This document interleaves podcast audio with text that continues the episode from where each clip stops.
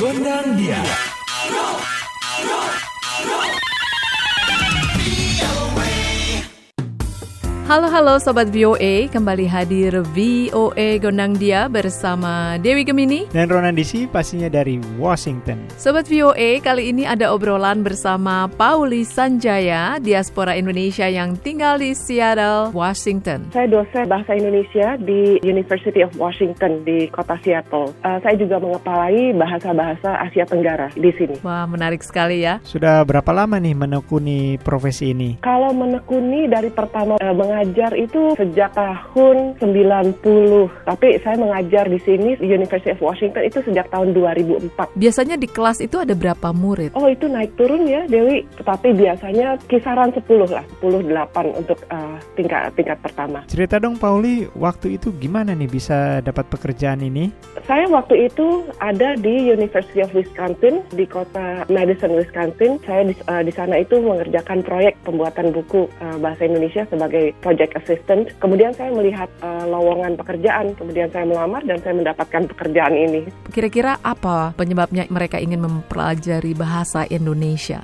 Oh itu banyak sekali alasan Dewi. Jadi uh, yang pertama itu karena uh, mereka uh, memerlukan bahasa Indonesia untuk penelitian mereka. Jadi uh, untuk membantu jurusan mereka ya, misalnya mereka dari uh, fakultas uh, arkeologi atau sejarah dan hukum dan lain-lain. Uh, tetapi ada juga yang uh, orang tuanya berasal dari Indonesia dan um, anaknya lahir di Amerika. Jadi mereka mau mempelajari uh, bahasa orang tua aja seperti itu. Jadi ini yang namanya heritage learners. Uh, kemudian ada juga yang ini ada benar ya. Jadi teman asramanya itu masak mie instan gitu. Uh, kemudian dia, dia tertarik ini kok enak ya. Uh, kemudian mereka jadi bicara. Kemudian si mahasiswa ini tertarik. Itu ada. Kemudian juga ada yang pacarnya atau istri atau suaminya itu uh, orang Indonesia itu juga ada. Dulu apa ya latar belakang pendidikan kamu?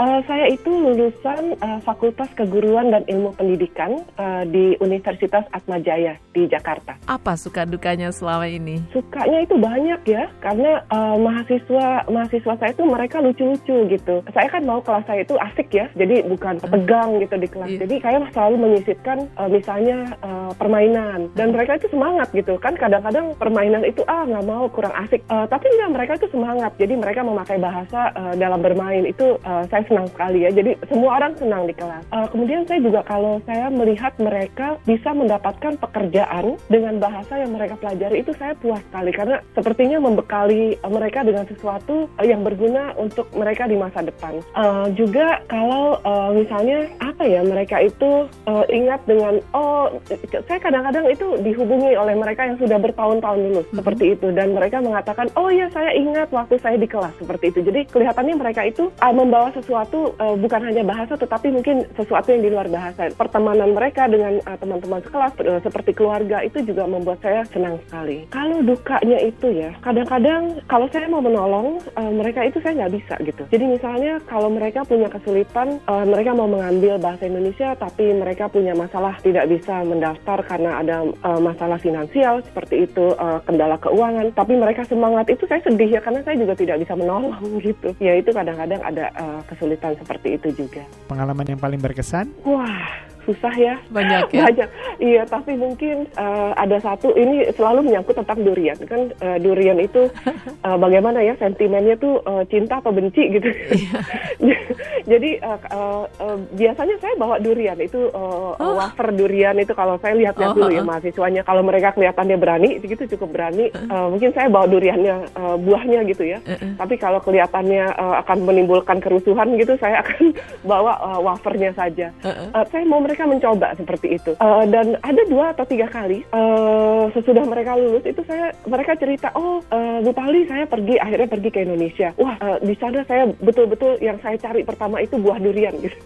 Karena apa wafer duriannya itu uh, baunya keras sekali. Tapi setelah saya coba di Indonesia kok beda ya. Uh, jadi lucu-lucu aja ya cerita-cerita seperti itu. Tips untuk teman-teman di Indonesia Um, menurut pendapat saya kita semua bisa menjadi duta budaya uh, budaya Indonesia dari yang ukurannya skala besar dan uh, dilakukan bersama-sama ya di sini seperti yang dilakukan oleh organisasi mahasiswa Indonesia uh, itu dengan menggelar misalnya pameran batik atau menggelar acara kesenian keraton yang besar-besaran seperti itu. Uh, tapi kita juga bisa dengan uh, diplomasi yang menurut saya itu paling kena itu diplomasi makanan itu seperti mie instan atau juga kita pakai sesuatu. Saya selalu memakai sesuatu misalnya ada yang batiknya yang kecil uh, atau saya saya sering memakai batik kalau musim uh, musim semi ya yang sudah hangat seperti itu kalau musim dingin terus terang tidak bisa karena batik itu tidak cocok dan tidak ada jaket batik yang tebal gitu kan saya nggak bisa ya. Uh, tapi uh, yang kecil-kecil aja yang yang bisa menarik perhatian. Uh, saya juga ini dengan Instagram itu juga kelihatannya cukup uh, efektif ya. Jadi kan dilihat-lihat itu kadang-kadang muncul di feednya mereka seperti itu. Iya, jadi ada banyak cara uh, dalam keseharian kita uh, kita bisa menjadi uh, duta budaya Indonesia.